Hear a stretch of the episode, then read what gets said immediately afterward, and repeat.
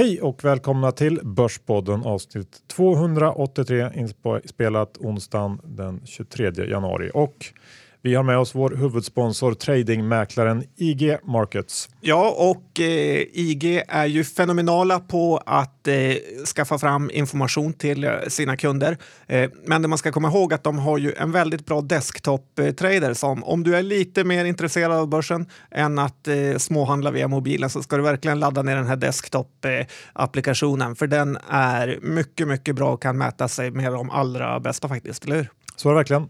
Och eh, passa också på att signa upp er på nyhetsbrevet för att få lite koll varje morgon. Ja, verkligen. Det har jag läst i flera år nu. Ja, Bra, vad ska vi prata om idag John?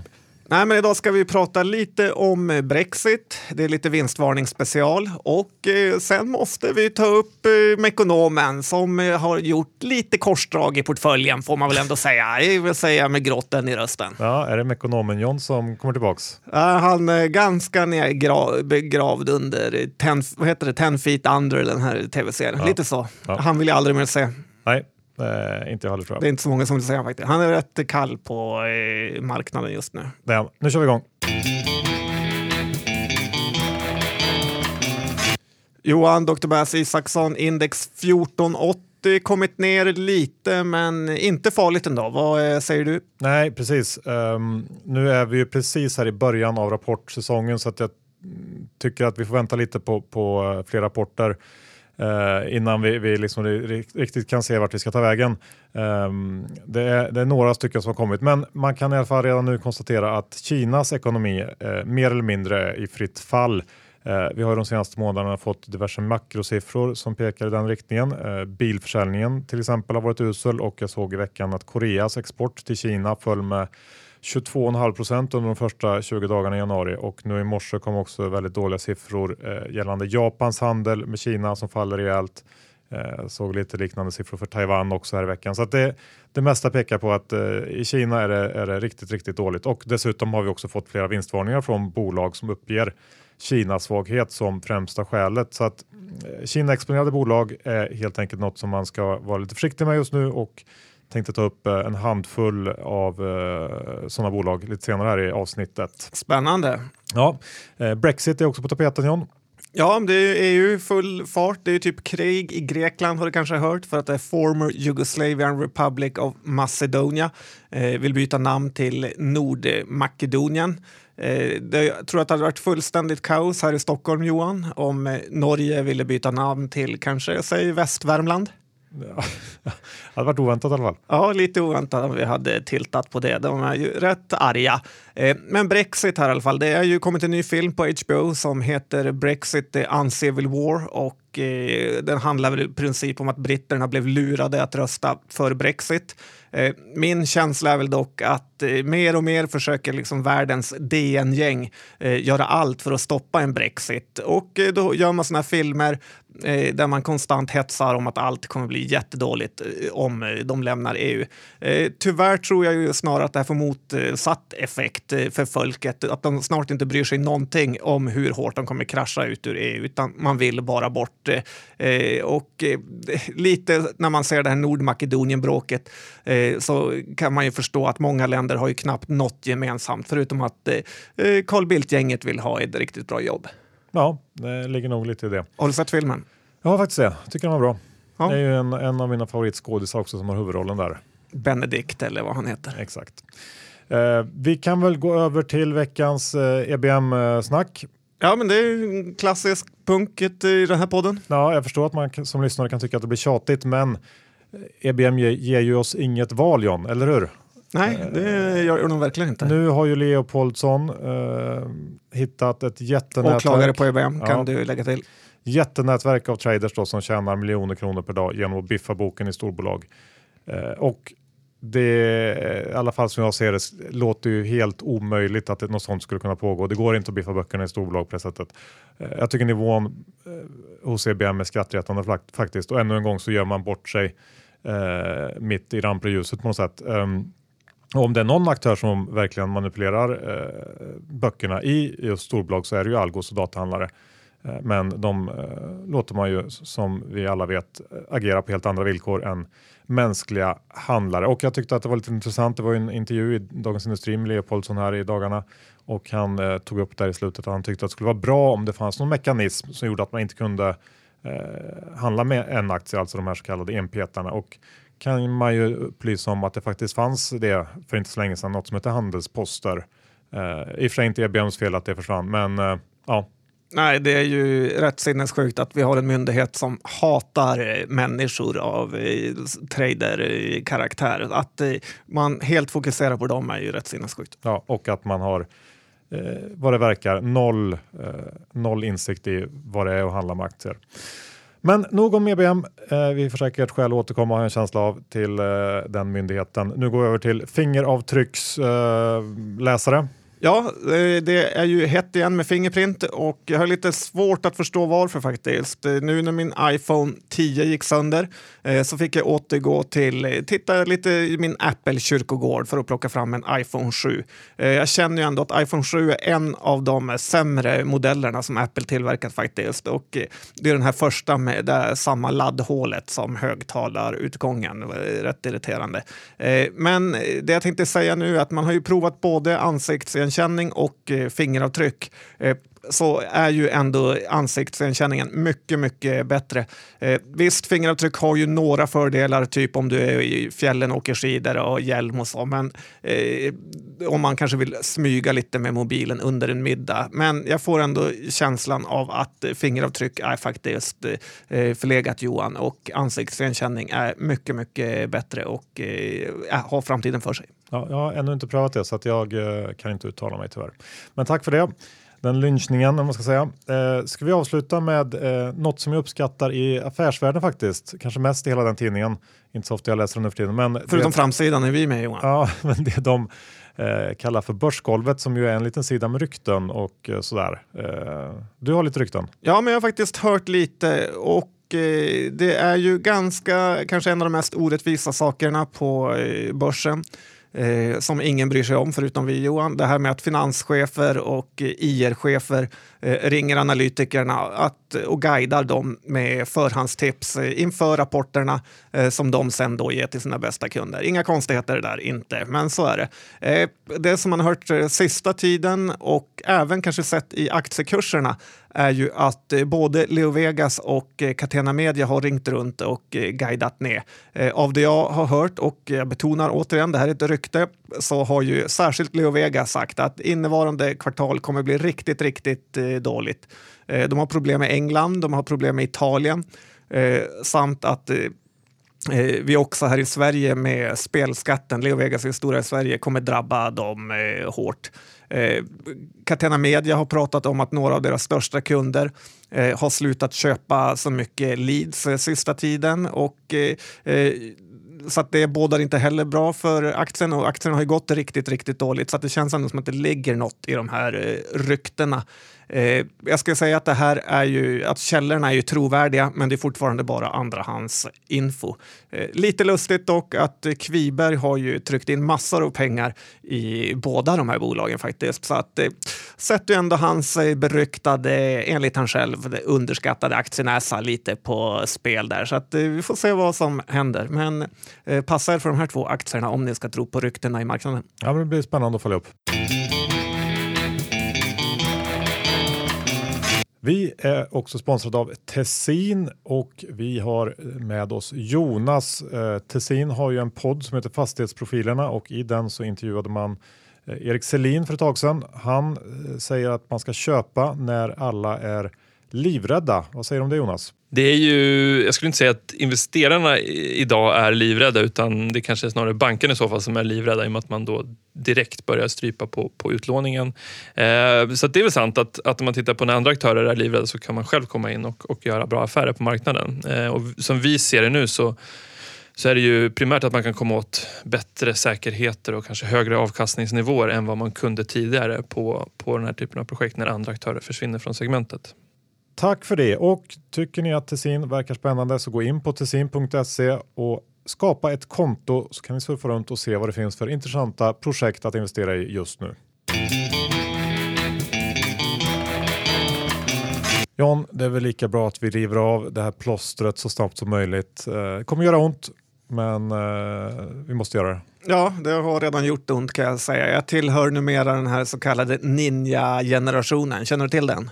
Nej, vilka det? No income, no job or assets. Eh, Så det är väl inte den bästa generationen att tillhöra faktiskt. Eh, Det är ju såklart med ekonomens vinstvarning vi ska prata om. Ja, och det här var väl kanske det värsta som kunde hända min portfölj och eh, som så ofta händer det som man inte vill ska hända.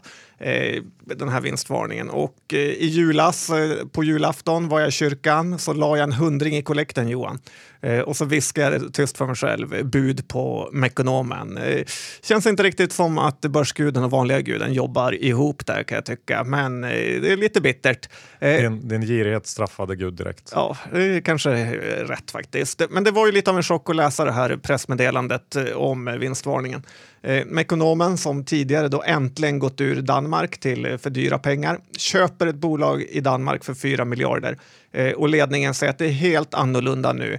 Eh, och så läser man att de gör i princip eh, samma vinst eh, på ebit-nivå som förra året. Och det är ju otroligt, otroligt dåligt. Chockerande uselt faktiskt. Dessutom konstiga nedskrivningar för någon typ av återvunna reservdelar. Eh, och de källor jag har pratat med säger att den här typen av belopp eh, som de gör nedskrivningar för är ju löjligt eh, stora. Lite som att en ICA-butik eh, skriver ner sina pantburkar med 30 miljoner. Extremt eh, stort belopp för den här typen av eh, saker. Eh, Man får mer och mer känslan av att Mekonomen är ett holdingbolag som sitter på Torsplan eh, här i Stockholm och de har absolut ingen aning om hur deras eh, dotterbolag presterar. Eh, Utan det kommer in en resultatrapport eh, varje månad där de får uppdatera någon Excel-fil och sen eh, suckar de till i chock när de ser hur eh, lurade de än en gång har blivit. Eh, ännu sjukare tycker jag faktiskt är att vdn tar och köper aktier för en miljon på 105 eh, och sen ytterligare för ungefär en miljon på 92 kronor. Man undrar om man är lika kass med sina egna pengar som företagets pengar. Eh, Mekonomens eh, styrelse måste ju kicka den här vdn. Finanschefen känns också som att hon eh, borde ryka. Sen har vi Kenny Bräck i styrelse, Johan, Värmlands kollega med dig. Ja. Eh, suttit där sedan 2008, inte köpt en enda aktie och det ska väl han vara glad för. Med tanke Kanske på. smartast av alla. Ja, eh, jag vet inte vad han har bidragit med dock. Och jag trodde ju som sagt, eh, det är lite förnedrande, men att det här skulle bli en bra trade för 2019 eh, och nu känns det absolut inte så.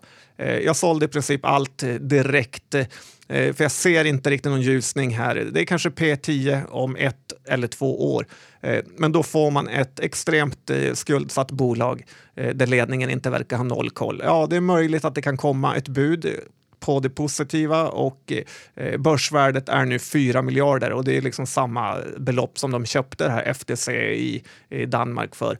Eh, Men då ska man komma ihåg att de har minst eh, 4 miljarder i skuld samt att hela balansräkningen består av goodwill. Så att eh, nej, det här är ju inte mumma. Vad säger Nej, du? man, är man lite konspiratorisk så kan ju den här gamla teorin kring, vad heter huvudägaren? L- LKQ. LKQ och att eh, deras avsikt var att, att eh, lägga bud när det kanske eh, har gått riktigt illa och att man eh, från deras håll inte har någon ambition att fixa till det här förrän eh, aktien står riktigt, riktigt lågt och då kan man smälla till med ett bud och fixa till det. Den, den, eh, den teorin kanske inte är så dum ändå så här nu eh, i efterhand.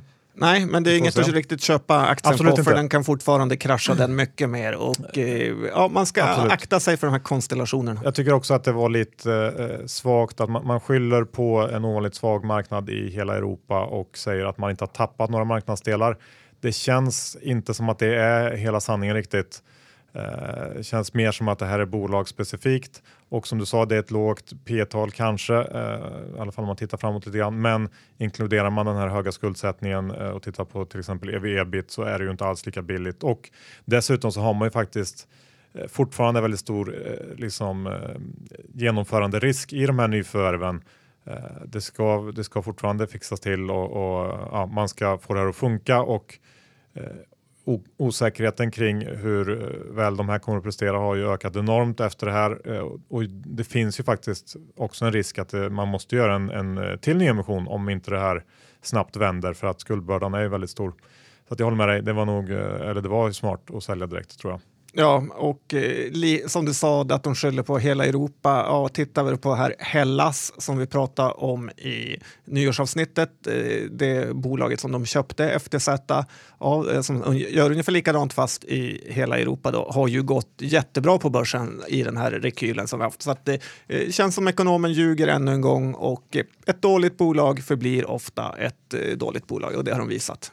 Ja, vi går över till veckans eh, stora händelse så här långt i rapportperioden och det är ju Sandvik såklart som var först ut i verkstad. Eh, de presenterar siffror som var mer eller mindre eh, helt in line med förväntningarna och eh, personligen så tycker inte jag att den här rapporten ändrar så mycket. Jag tycker både optimister och pessimister kunde ta med sig någonting från Q4. Gruvdelen höll som väntat emot bra.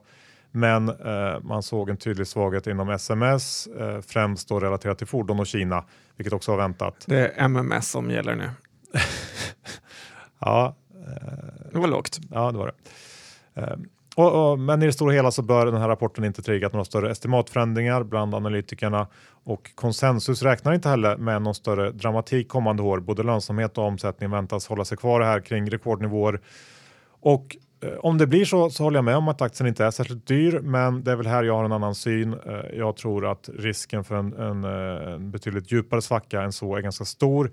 Nu penslar man in eh, från eh, analytikerhåll att rörelsemarginalen ska hålla sig kring historiskt höga 18-19 procent. Och eh, jag såg att DV, DI skrev om det här i, igår eller i förrgår. Eh, så har ju lönsamheten historiskt sett påverkats ganska kraftigt när konjunkturen vänder ner i Sandvik. Så att nu ska Sandvik vara ett mer stabilt bygge än vad det varit historiskt och det är det säkert. Men jag tycker ändå att det är alldeles för optimistiskt att tro att bolaget inte kommer att tappa en hel del på, mar på marginalen. Uh, så att um, jag tror också då att, att marknaden kommer att handla ner Sandvik härifrån. Nu gick den upp en procent kanske på rapporten. Den har gått ner lite efter här. Eh, men när man har fått lite perspektiv på det här så tror jag inte att marknaden kommer vilja betala 140 spänn för Sandvik utan jag tror att den kommer att dimpa neråt.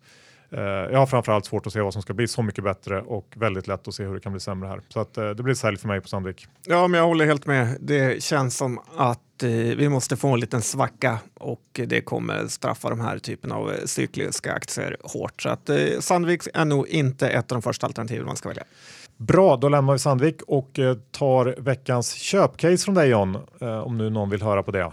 Ja, det ska man eh, trycka den här knappen 15 15 15 nu ett tag så slipper ni göra bort det. Nej, men just när du pratar om Sandvik så kanske man ska eh, ha ju deras Sandviks, alltså Poster Kid eller Whiskid, Lars Engström, eh, slutat som eh, divisionschef på den här mest framgångsrika delen i Sandvik. Och Eh, Eh, det spekuleras ju lite vilt här om att han kanske ska gå över till Munters eh, där han har jobbat tidigare för att eh, han ska vara med i ett utköp här.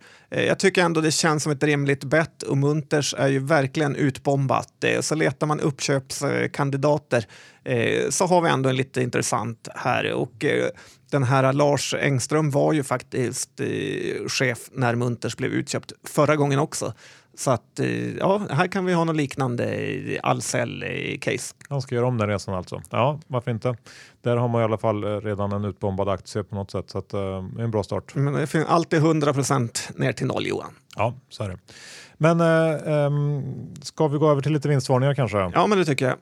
Uh, bolag som du tror ligger i farozonen? Ja, så är det ju. Och eh, vi kan titta på JM här. Det är ett eh, bolag som jag tror kommer ha, ha det tufft ett bra tag framöver. Eh, visst, de har ju tappat eh, mycket från toppen, men de har också studsat upp mycket från eh, botten. Eh, och de har ju inte tappat i närheten som andra bostadsutvecklare. Eh, det finns ju ingenting som tyder på att det kommer lätta på byggmarknaden eh, närmsta tiden här. Och Eh, Eh, det var någon graf på Hemnet och utbudet där är ju rekordstort. Räntorna är ju på väg uppåt, inte neråt. Eh, ränteavdraget verkar också, det snackas om att det kan avskaffas eller minskas. Eh, och sen har vi haft en extrem överbyggnation de här eh, de senaste åren. Och eh, att tro att det bara blir en minidipp för JM är, tror jag är helt fel. Eh, sen kom ju rapporter igår om hur JM är ett av de värsta fuskarbolagen med att ha skulder utanför bal balansräkningen. Eh, att de har uppemot 9 miljarder. Och eh, vet du hur de döljer det? Nej de har ju det att, eh, på så sätt att direkt de bildar en bostadsrättsförening för ett eh, bygge de håller på med så kan de då flytta över hela skulden för det bygget till den bostadsrättsföreningen utan att ha sålt eh, lägenheterna eh. Och det känns ju rätt fult eh, att mörka på det här sättet för eh, investerarna för det finns ju ingen chans att få reda på det här. Eh, och jag tror ändå att den här rekylen vi har sett uppåt på IM sista tiden kan vara ett läge att sälja eller gå kort på. Eller har den uppe om det kommer en flash om vinstvarning. Känner inte att det finns någon större anledning att argumentera där, utan vi går vidare till nästa bolag. Semcon är ju ett eh, bolag som jag har gillat, men den har gått eh, dåligt på börsen och eh, fordonssektorn är ju en av de här branscherna som har haft det tuffast. Sen har det varit en så kallad arbetarjul vilket generellt är dåligt för konsultbolagen. Och historiskt har ju Samcon varit en av de sämre bolagen inom teknik om man är schyssta med dem, sektorn. Sen tycker jag också att den här vad ska man säga, price action-grejen som vi bland annat såg i, i, i andra bolag känns lite farliga. Så trots att Q3 var bra eh, så har det bara fortsatt eh, strömma in eh, säljare och eh, även trots den här rekylen vi haft på börsen senaste tiden så vill inte Samcon-aktien gå upp. Eh, få lite ekonomisk känsla. Ja, och eh, dessutom väldigt tunga inom auto. Du kanske sa det? Men, men eh, det i sig känns ju inte bra. Det är ju liksom den bransch som vi eh, tydligast kanske visat svaghet här på slutet och uh, att sen det ska satsas mycket också inom, inom fordon, uh, mycket projekt inom elbilar och så vidare. Ja visst, men jag är ju ytterst tveksam till att Semcon kommer att vara Eh, en av de som gynnas av det. Men vi får se. Jag, jag tror att de kan drabbas ganska hårt av fordons eh, svaghet närmsta tiden. Ja, det positiva är ju som du säger att det satsas och att Semcon är ett lite annorlunda bolag än de var för eh, tio år sedan. Men eh, kortsiktigt så kan det ändå bli svajigt. Ja, bra. Och eh, har du ett sista bolag? Ja, men det kan väl dra. Husqvarna här. Vi såg ju Stanley Decker vinstvarnade igår och eh, drog med sig Husqvarna lite, lite grann. Eh, och det känns ju lite som att hur ska det extremt misskötta Husqvarna klara sig eh, som har vinstvarnat typ de senaste två kvartalen om ett toppbolag som Stanley Decker inte klarar eh, marknadens förväntningar. De gick ner 13-14 procent igår. Eh, många vill ju se en vändning här i Husqvarna för eh, man gillar varumärket och bolaget men jag tror de är för tidigt ute. Eh, aktien har väl lite motvilligt följt med upp på den här rekylen. Eh, men jag ser ingen anledning till det och eh, Q4 är ju inget jättebra kvartal heller för eh, gräsklippartillverkaren Husqvarna. Ja, nej men ja, kul att jag fick hålla med om alla de här tre. Oj, vad har hänt med oss Johan? Ja, jag vet inte vad det kan vara. Eh, då tänkte jag ta Oriflame, det är ett bolag som eh, redan har eh, vinstvarnat kan man säga. Eh, lite annorlunda vinstvarningar än man kanske brukar se.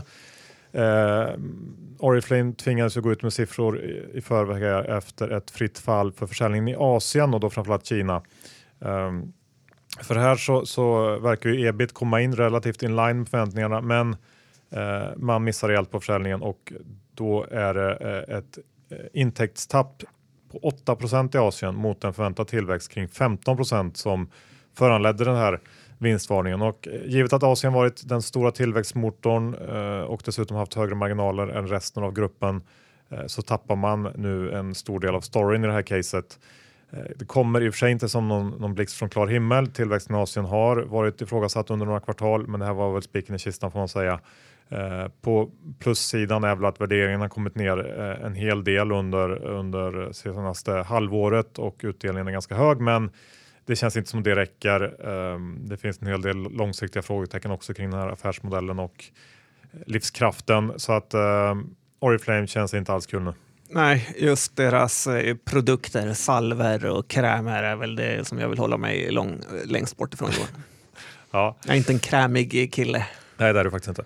Eh, och om man ska ta eh, en titt på några fler bolag med stor Kina-exponering som jag var inne på här i första delen så Eh, Eh, har vi ju bland de större bolagen eh, Hexagon till exempel, Autoliv, ABB, alla de har en kännbar del av omsättningen från Kina. Men eh, mer intressant kanske kan vara att titta på lite mindre bolag. Gränges poppar ju direkt upp som en av de värsta med eh, ungefär 50% av sales eh, i Asien, Kina och dessutom väldigt tunga inom fordon. Eh, känns väl eh, väldigt, väldigt långt ifrån optimalt just nu och eh, den aktien har inte heller gått särskilt bra. Men, men Gränges framstår ju som en av de värsta. Mycronic är också ett bolag med stor Asien-exponering, men när det gäller Mycronics kunder, det är ju framförallt stora bildskärmstillverkare, så är det kanske lite andra eh, ledtider eh, på investeringarna och eh, lite andra faktorer som avgör än just eh, kortsiktig konjunkturutveckling. Eh, men någon gång kan man ju tycka att blankarna borde få rätt eh, här. Den har ju varit väldigt, väldigt blankad under en lång period och eh, ja, kanske dags nu att de får lite relief. Men avslutningsvis här så tänkte jag ta upp min, min favorit bland de här lite mer exponerade i Kina och det är ju bygg slash industrihissbolaget Alimak som i senaste rapporten hade 35% av omsättningen från Asien.